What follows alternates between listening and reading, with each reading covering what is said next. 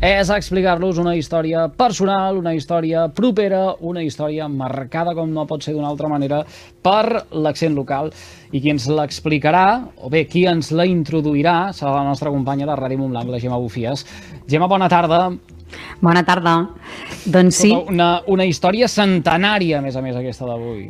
Sí, sí, sí, perquè avui anem fins a Tarragona, eh, on un monument emblemàtic de la façana marítima de la ciutat doncs, celebra, com tu dius, el seu centenari. Potser ja sabeu quin és, perquè ja fa uns dies que això sona, però, però avui justament es presenta el llibre Un rellotge centenari 1922-2022, la Torre Rellotge del Port de Tarragona.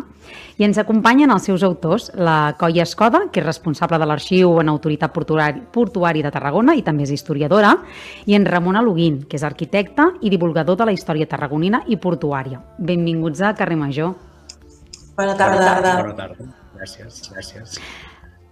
Tenim aquesta sort, Eduard, que ens han pogut atendre perquè és que d'aquí una hora i mitja estaran sí. presentant, com deien, no, aquest llibre que, que avui doncs, es farà la seva posada en societat. Coia. De fet, mira, de, de fet, digues, mira, digues. faré una cosa, donaré ja així ara només començar, normalment ho feia al final, avui ho dic al principi, la informació de servei per aquells oients que ens estiguin escoltant.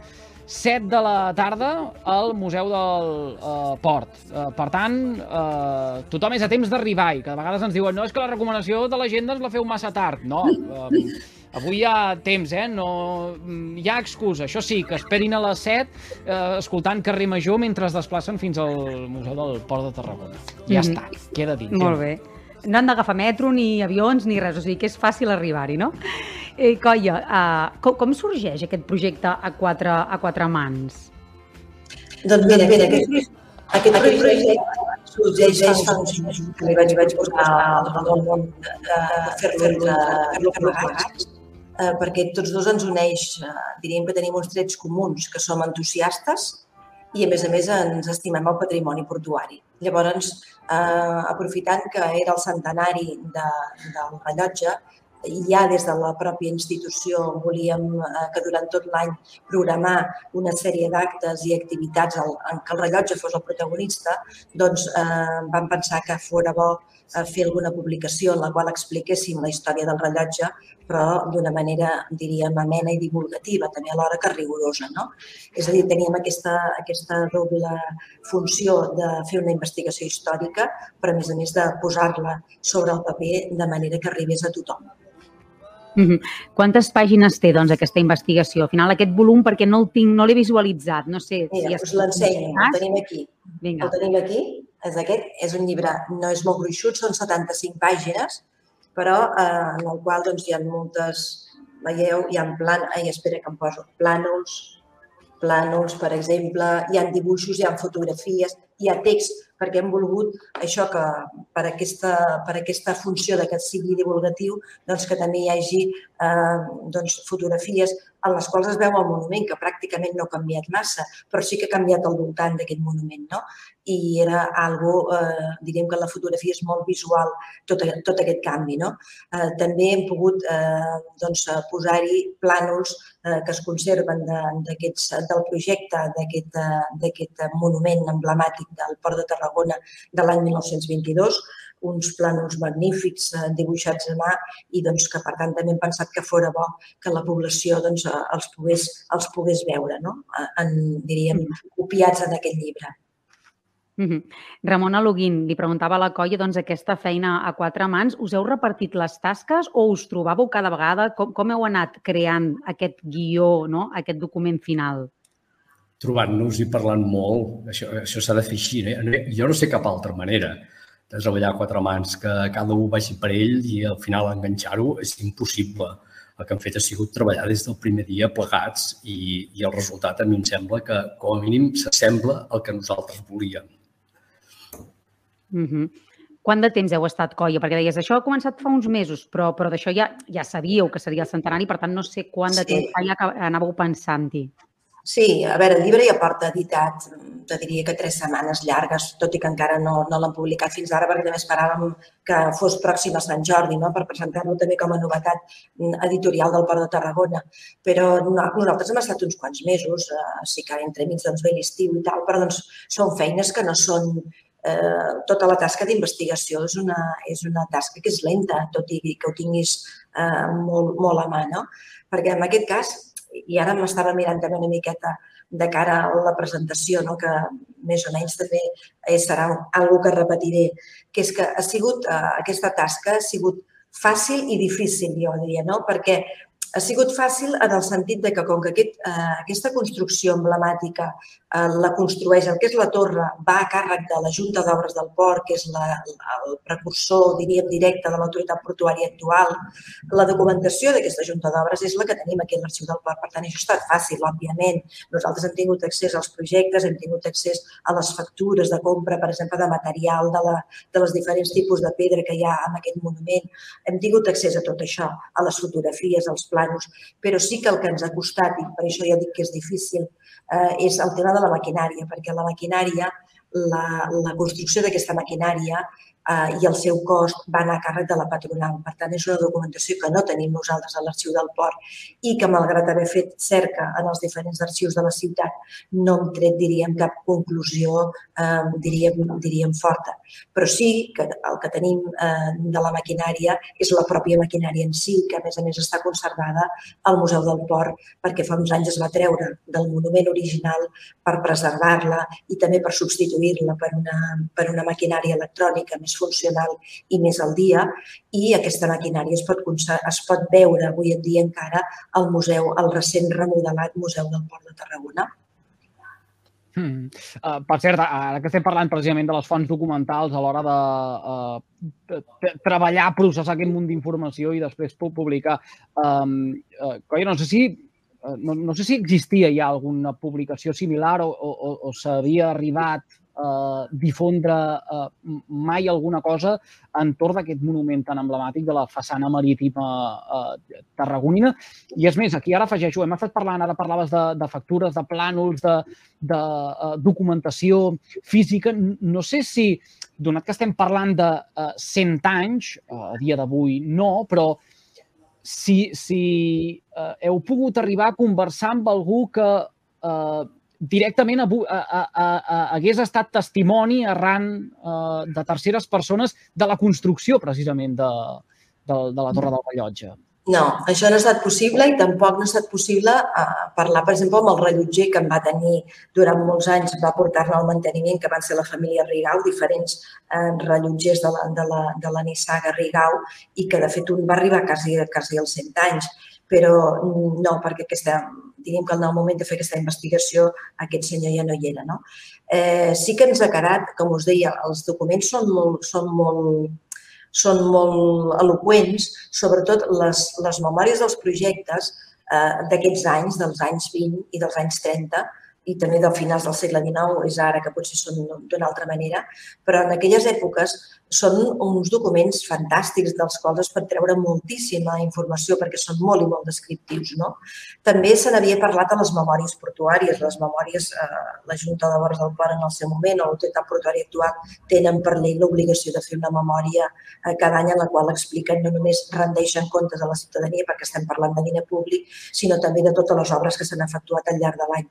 I també aquestes memòries dels anys 20 i 30 són molt riques, expliquen moltes coses. De què hem pogut treure informació informació. No hi havia una, una publicació que només parlés del rellotge.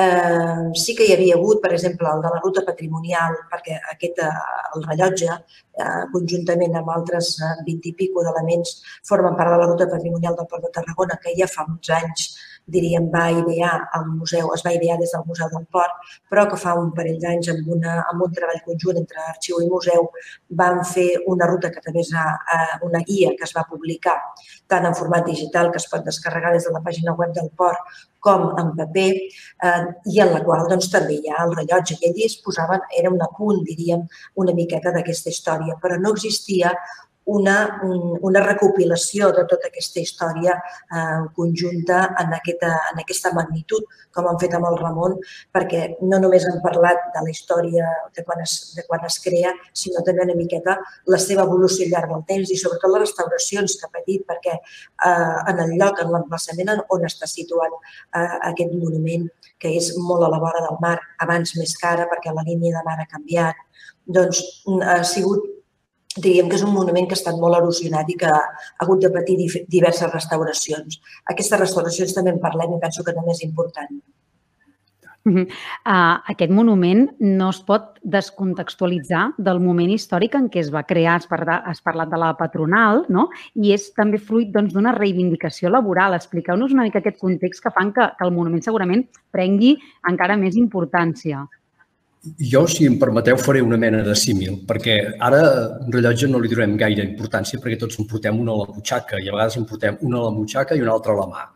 Però això fa 100 anys no era així. Les persones no tenien rellotge. I, en canvi, s'estava eh, entrant a Europa d'alguna manera després de la Primera Guerra Mundial i cada vegada complir, complir un horari d'una manera precisa era més important. Clar, si no hi ha rellotge, és molt, molt difícil. Ara deixeu-me que us faci una comparació. Eh? Imagineu-vos un centre de treball important, gran, avui en dia, on no hi ha connectivitat. No es poden rebre missatges, no es poden trucar, no es poden fer, eh, fer no es pot fer servir el mòbil per res. El normal seria que els treballadors eh, diguessin que això no pot ser i que al final se'ls donés la raó i que el, el capdamunt d'aquesta organització es fornís de wifi. I dius, home, abans no teníem wifi, ara tenim wifi, ja podem fer el que vulguem.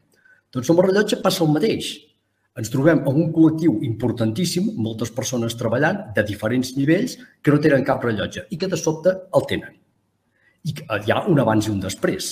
No és eh, un element anecdòtic o decoratiu, que també ho és, eh, decoratiu, el van fer molt ben fet i molt, jo trobo que molt bonic, però és sobretot un element molt important per la vida laboral del poble. També deixeu-me que us digui una cosa així, ara que ens hem posat en el terreny una mica més tècnic, això la, la colla no us ho dic perquè és, és molt modesta, jo no ho soc tant. L'arxiu del port és un arxiu privilegiat, perquè eh, així com la majoria d'arxius de, de Tarragona i de, i, de, i de tot arreu van patir molt durant la guerra, és a dir, va haver moments en què eh, no es van arxivar bé les coses o es van destruir part dels documents que hi havien arxivats. Imagineu-vos qualsevol situació desastrosa, doncs qualsevol d'aquestes situacions ha passat en un arxiu. En canvi, l'arxiu del port es va preservar. Hi va haver tot una, un seguit de persones que se'n van ocupar de reservar-lo i crec que van arribar a portar en un altre lloc perquè quedés resguardat de, de les bombes i de, que, que Tarragona en queien, i en queien moltes al barri del port, precisament, perquè quedés preservat. I això ha, ha permès tenir un arxiu que no té cap interrupció. Si tu poses a mirar això que deia ara mateix la colla de les memòries i tens la de l'any 20, 21, 22, les tens totes. Pots seguir la pista, de, en aquest cas del rellotge, de qualsevol altre element que es vagi fent al, al llarg del temps. Uh -huh. uh, deies, comentaves això dels rellotges, no? Qui no, qui no se'n recorda de, de rellotges emblemàtics del territori que abans teníem aquest hàbit, ara és el que comentàveu, que amb els mòbils ja no fa falta, però que en aquella època doncs, té aquesta rellevància. A més a més, també trien una data significativa per, per inaugurar aquest rellotge. La nit de cap d'any, correcte, sí. La nit de cap d'any és la, és la data que, que es tria doncs, per, bueno, perquè també el, el rellotge té incorporat dues campanes. Llavors, suposo que mm, fa com a més festa, no? també una campana, i m'imagino la nit de cap d'any, tot i que no hi ha hagut massa, no hi ha massa transcendència amb la premsa, amb la premsa local d'aquella nit de cap d'any de l'any 1922, eh, hi ha unes petites notes no, de que queda inaugurat eh, aquest rellotge. No? Però imaginem-nos doncs, que devia ser una, una festa important, poder inaugurar un, una, un element d'aquestes característiques en aquelles èpoques, quan a més a més pensem que de rellotges públics només hi havia el de la plaça de la Font de l'Ajuntament i després hi havia un al, al, convent de les Hermanetes dels Pobres, no n'hi havia cap més, encara no hi havia ni el del Pòsit del Serrallo, ni n'hi havia el de la, el, el de la Xartresa, no n'hi havia, o sigui, no hi eren tots aquests encara. Llavors, es necessitava, era un element necessari per la gent que treballaven a, a la zona portuària per poder regular aquesta jornada laboral que fins aquell moment diríem que estava, era molt subjectiva, estava en mans doncs, dels capatassos. No? El capatàs era el que marcava l'inici i el final de la jornada laboral. O sigui, aquell dia, el, si un dia el capatàs doncs, tenia ganes de treballar més o de que treballessin més, ningú li podia discutir perquè ningú tenia un rellotge a la vora per dir-li, escolta, m'han fet 30 minuts més o una hora o el que sigui, no? O sigui, d'aquí la reivindicació laboral de, de, de tenir aquesta jornada realment doncs, controlada, no? Perquè no hi haguessin abusos. Hmm. Es, es coneix per què eh, aquest rellotge acaba presentant-se com un conjunt uh, escultòric, perquè els que al final acaben dient sí, uh, hem de disposar d'aquest rellotge. Suposo que en cap cas um, tenim l'obligació que aquest rellotge uh, uh, acabés esdevenint el que al final uh, va, va ser... Hi ha alguna raó al darrere? Per què el, el rellotge, i avui el coneixem com una, com una i, i, icona, s'estilava això en aquests tipus de rellotge. No sé si es pot comparar amb d'altres eh, ports de la Mediterrània que per aquesta època, doncs, mm, comencessin ja a disposar de rellotges? Sí, a mi em sembla que, que hi ha... Sí, gràcies. Em penso que és claríssim. Això és una iniciativa de l'enginyer Membrillera. Eh? Això ho expliquem en el llibre perquè eh, el reconeixem molt, aquest enginyer. Creiem que va ser un enginyer que no només aquesta obra en va fer bastantes més al port i que, evidentment, hagués pogut fer un rellotge molt més senzill. En el llibre publiquem dos exemples més o menys de l'època. L'exemple de València és un port que en aquell moment eh, està tirant endavant moltíssim i fan un edifici d'obres de, de, del port amb una torre on s'hi posa el rellotge. És dir, aquest és un, un exemple molt, molt interessant. L'edifici realment és preciós i es conserva en molt bon estat. Però, en canvi, un altre port molt important, el de Barcelona, posen el rellotge damunt d'una torre que ja existia, una torre que hi havia al port, que era del segle de finals del 17, una torre antiga, la restauren una mica i, com que ja no serveix per vigilar perquè ja no hi ha eh, pirates a la costa, i posen el rellotge dalt. I fixeu-vos que, que, que de rellotges, posar ports, en els ports, posar-hi rellotges, es comença a ser un costum, però certament no tothom ho fa igual. Eh? Tenim aquests dos exemples, el de mm, València, que és un edifici magnífic, un edifici com una mena de, de modernisme, i tenim el de Barcelona, en canvi, que s'aprofita un edifici existent. En cas de Tarragona no es fa un edifici, sinó que el que es fa és una torre, jo diria que molt ben composada, eh, amb una tipus d'arquitectura paladiana, de cornises, capitells, de columnes, tot això molt ben tractat, i a més a més amb una utilització molt acurada de les pedres tarragonines. Això diu molt a favor de, de l'enginyer Membrillera, perquè, clar, tu quan arribes a un lloc no saps quines pedres hi haurà. Per tant, aquest senyor, abans de fer el rellotge, va preguntar, va mirar i va parlar amb els picapedrers i va parlar amb la gent que tenia pedreres i es va documentar de quina manera podia fer-se bé la pedra de Tarragona. Ara ens trobem un rellotge, per exemple, que el basament és de pedra de Llisós, que és una pedra que sortia del Camp de Mart i és, per explicar-ho de pressa, aquella pedra grisa tan bonica dels bancs clàssics de la Rambla, els bancs de pedra de la Rambla, sí Eh, les escales són de, de Santa Tecla, que és un marbre d'un color groguenc molt, molt bonic que es va fer servir profusament en el barroc i molt a la capella de Santa Tecla de la catedral. I, en canvi, columnes i capitells són de pedra de la Sabinosa, que és una pedra rosada molt bonica que es va fer servir sobretot per les cases dels canonges i també per al seminari de Tarragona. El que passa és que aquesta pedra s'ha deteriorat molt per la, precisament per la que, com deia abans la colla, la proximitat del mar, que sempre està creant una atmosfera molt agressiva d'humitat i, de més a més, d'humitat salada, i està bastant deteriorada. Però amb les últimes restauracions es veu perfectament com eh, originalment s'havia concebut i penso que, que el monument eh, acusa naturalment el, els 100 anys, només faltaria, això està bé, però els acusa amb, amb dignitat i amb la mateixa prestància, per dir-ho així, que tenia el primer dia. Mm -hmm fins a tal punt que eh, esdevé, eh, ho dèiem abans, eh, una icona de la façana marítima de, de Tarragona. Per cert, que eh, ara que fèiem menció de la restauració, amb la darrera de restauració del rellotge es va incloure novament el repic de campanes que suposo que fa que es pugui rememorar encara d'una millor manera aquest, aquest centenari. Això ens ho ha xivat el nostre company de Ràdio Ciutat de Tarragona, l'Adrià Requesens, que com a bon veí del barri del Port diu, home, ja que parleu del nostre rellotge, eh, feu-ho eh, fe, feu tal com toca i amb, i, amb, i amb tot ben explicat. En tot cas, no ho haurem explicat tot ara, altres, eh, deixem eh, que l'audiència de Carrer Major pugui acabar d'aprofundir en tota aquesta història a través de les pàgines d'aquell llibre, Un rellotge centenari 1922-2022, la torre del rellotge del port de Tarragona, que la Colla Escoda i en Ramon Aloguin presenten a partir de les 7 de la tarda a la sala d'actes del Museu del Port. Us haré moltíssim que un cop més hagueu compartit aquesta soneta amb nosaltres, sobretot que hagueu fet un forat a la gent d'això, una hora abans de la, de la presentació. Per molts anys. Gràcies a vosaltres. Gràcies, gràcies. Bona tarda. una proposta literària i de quilòmetre zero, com les que a nosaltres ens agrada, a les portes de Sant Jordi, una bona oportunitat d'aquí a un parell de setmanes, Gemma, de fer-nos, doncs això, amb tresors literaris que tenen el Camp de Tarragona com a columna vertebral. I tant que sí. Gemma Bufies, gràcies. A reveure. Fins demà.